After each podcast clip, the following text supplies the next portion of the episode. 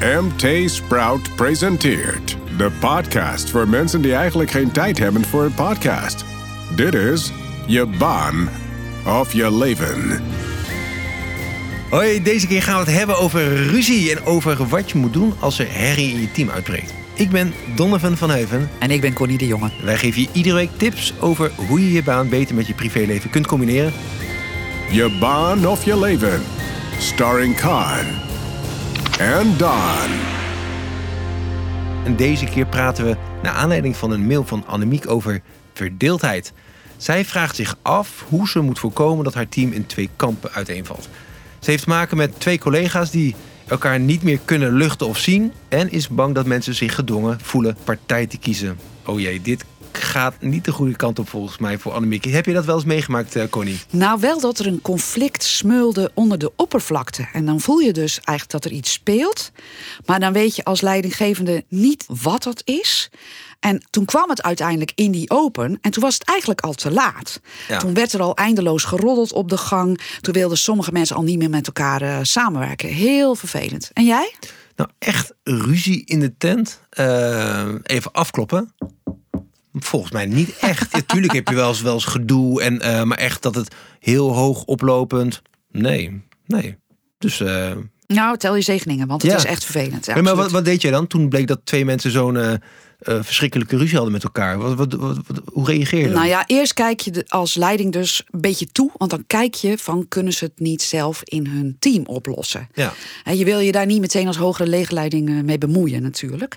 Maar als dat niet lukt, dan moet je met allebei gaan praten. Uitzoeken wat er aan de hand is. Hoe het zover is kunnen komen. Eh, wat je zeker niet moet doen is het negeren. Eh, Nee. Want dan gaat het van kwaad tot erger. Het, het kan ook zijn dat het over jou gaat. Hè? Dat er dus onrust is over wat jij doet. Ook dan zul je je open moeten stellen van waarom is er kritiek? Eh, eh, ook niet negeren eh, dat, dat er over je wordt gekletst. Nee, want- Ehm, ja, en wat ik wel moet zeggen is... in, in, in dit geval hoorden we gewoon eigenlijk best wel heel laat wat er eigenlijk speelde. En dat bleek echt al maanden zo te zijn.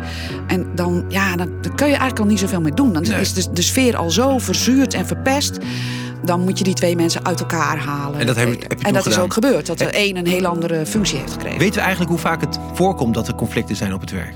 Nou, volgens cijfers van Arbonet uit eh, 2018 heb ik die gevonden, eh, komt eh, maar liefst 30% van de werknemers bij hen terecht, hè, met, Mhm. omdat ze uitvallen, ziek worden. Eh, die komt met het verhaal dat het te maken heeft met een arbeidsconflict. Die wijzen Oké. daarna. Dat is de reden dat ik ziek ben geworden. Ja. Ehm, in de meeste va- gevallen gaat dat, het blijkt uit de nationale arbeidsmarktenquête die Arbonet organiseert, Mhm. gaat het dan om een conflict met een collega, 22% van de gevallen. En in 14% gaat het om een conflict met een leidinggevende. Oké. Ehm, Nou ja. ja, en dan wat, percentage. wat nog best eh, eh, opvallend is: mannen krijgen vaker ruzie dan vrouwen. Oh ja. Eh, er spelen meer arbeidsconflicten bij hoger opgeleiden. En verhoudingsgewijs zijn er vaker, als het gaat om een conflict met een leidinggevende, managers in het openbaar bestuur of in de industrie bij betrokken. Oh ja. kun- Grappig, hè? Ja, nu, nou kun je natuurlijk afvragen wanneer er dan sprake is van een echt conflict. Staan mensen elkaar dan eh, zowat naar het leven of zijn ze gewoon niet eens met elkaar? Hoe zit dat? And what zeggen de experts? Nou, laat ik beginnen met wat eh, de Zuid-Afrikaanse psychologe Mirna Lewis daarover eh, zegt. Eh, Zij is een bekende TEDx-spreker, schrijver van het boek Deep Democracy. Die zegt: maak je maar niks wijs. In ieder bedrijf zijn er conflicten.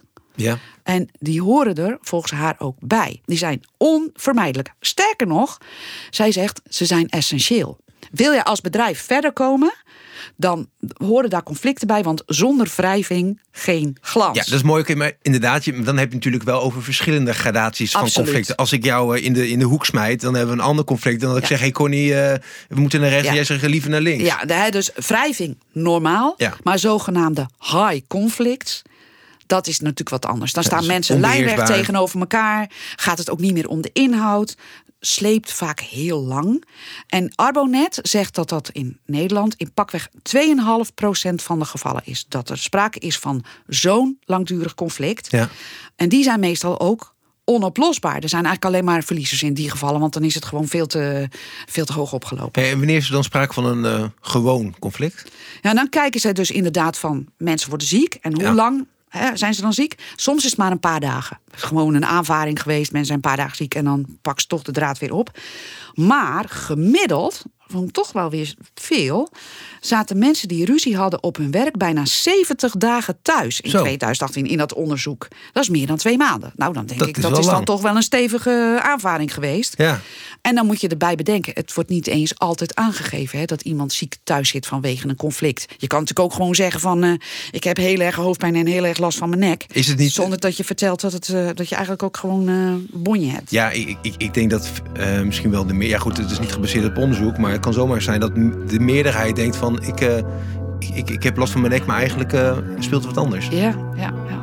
Hey, zijn er bepaalde redenen aan te wijzen waarom het zo vaak uit de hand loopt? Ik vind het eigenlijk wel schokkende cijfers. Ja, een belangrijke reden is eh, dat mensen soms gewoon heel erg van elkaar verschillen in persoonlijkheid. Hè. De Ja. een is een creatieve sloddervos en de ander een Pietje precies. Ja, dat kan natuurlijk tot heel veel irritatie leiden. Eh, wat ook niet meehelpt is dat de taken en de rollen niet duidelijk verdeeld zijn. Hè, dan komen mensen in elkaars vaarwater terecht. Wie moet wat doen? Wie zou wat gedaan moeten hebben? En dan, he- dan, word je, dan, dan is het niet gebeurd en dan zitten ze naar elkaar te wijzen. Ja, dus eigenlijk eh, eh, die verschillende persoonlijkheden, niet echt duidelijke taakverdeling. Zijn er dan nog andere dingen? Ja, niet uitgesproken verwachtingen. En soms verwacht jij dat de ander wat doet. Dat vind jij heel normaal. Ja.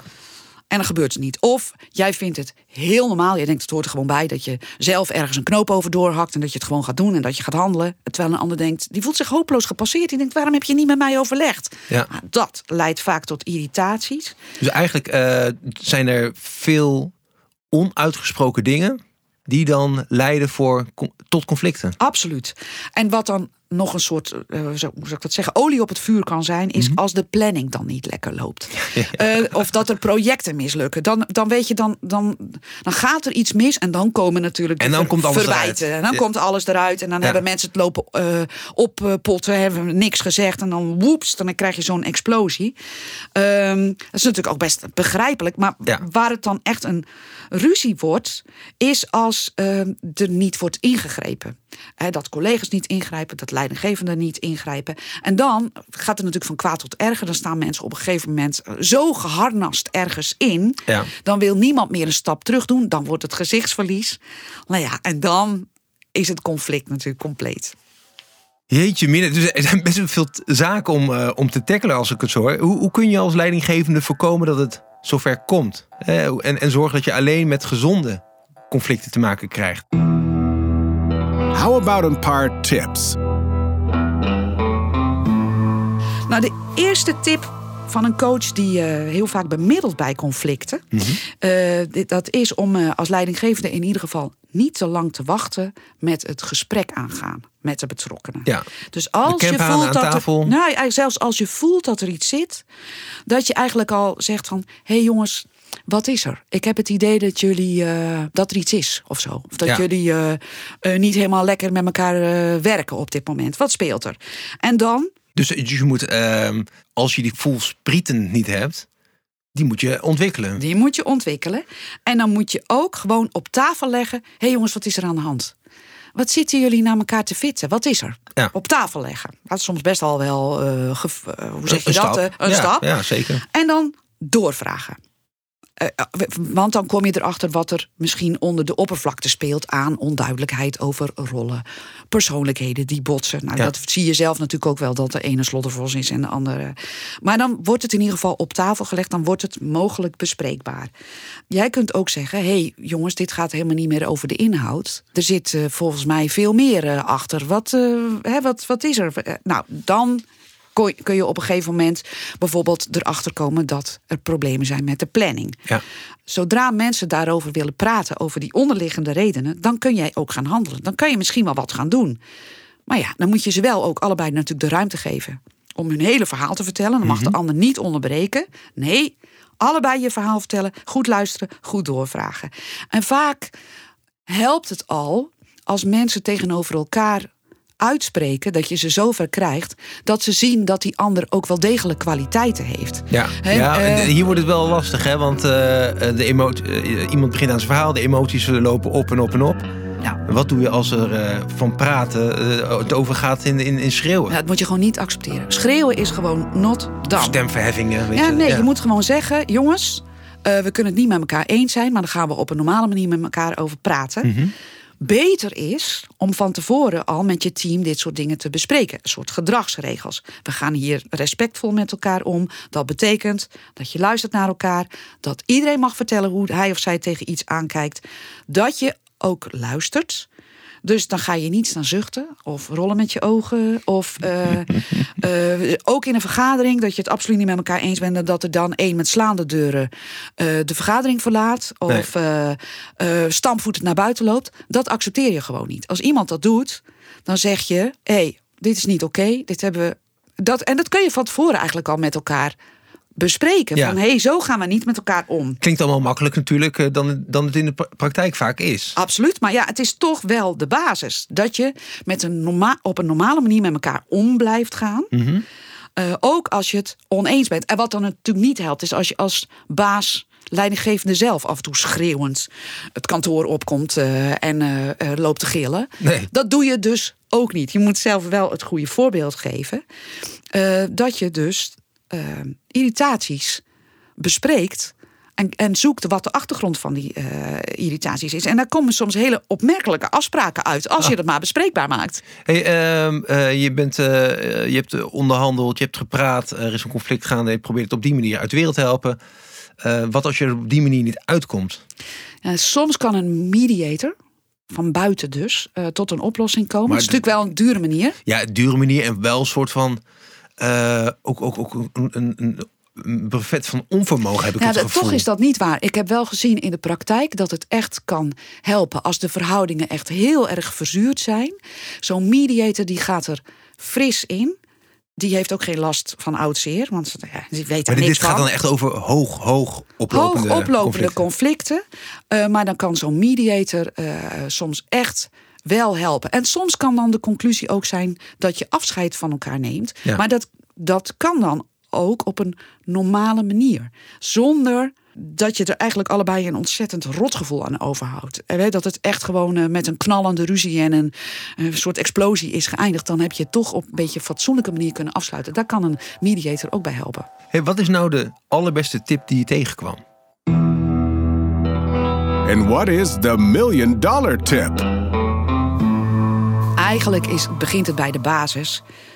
Het moet heel duidelijk zijn wat jij als leidinggevende van iedereen verwacht. Dat is eigenlijk dat, dat is jouw belangrijkste taak. Daar moet jij voor zorgen, want dat is zo vaak een bron van conflict dat dat niet duidelijk is en dat wat jij van iemand verwacht. is- Hoe, en en, en hoe, hoe, hoe, eh, waar begin je dan mee?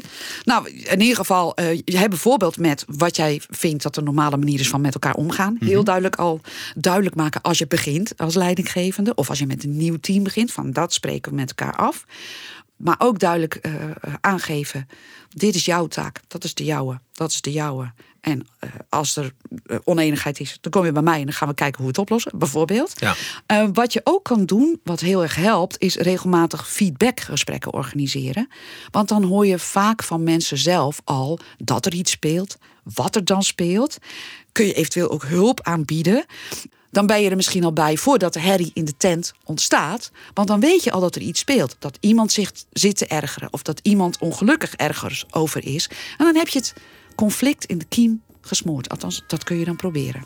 Dus eigenlijk moet je gewoon eh, eh, geregeld een afspraak met, met elkaar inplannen. Even met de benen op, eh, op tafel en eens vragen, hoe gaat het? Ja, eigenlijk is dat het. En ook, hoe kijken ze naar jou? Want dat is ook heel belangrijk. Wat verwachten ze van jou?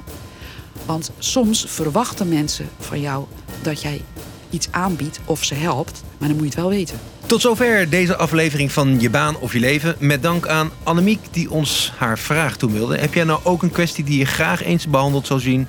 Mail dan naar Je Baan of Je Leven. Allemaal aan elkaar at mtsprout.nl. Tot de volgende. Tot dan!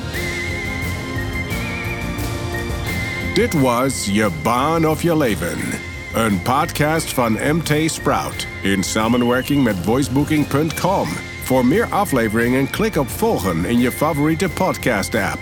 Heb je zelf een onderwerp waar we over moeten praten? Mail dan naar je baan of je leven at mtsprout.nl.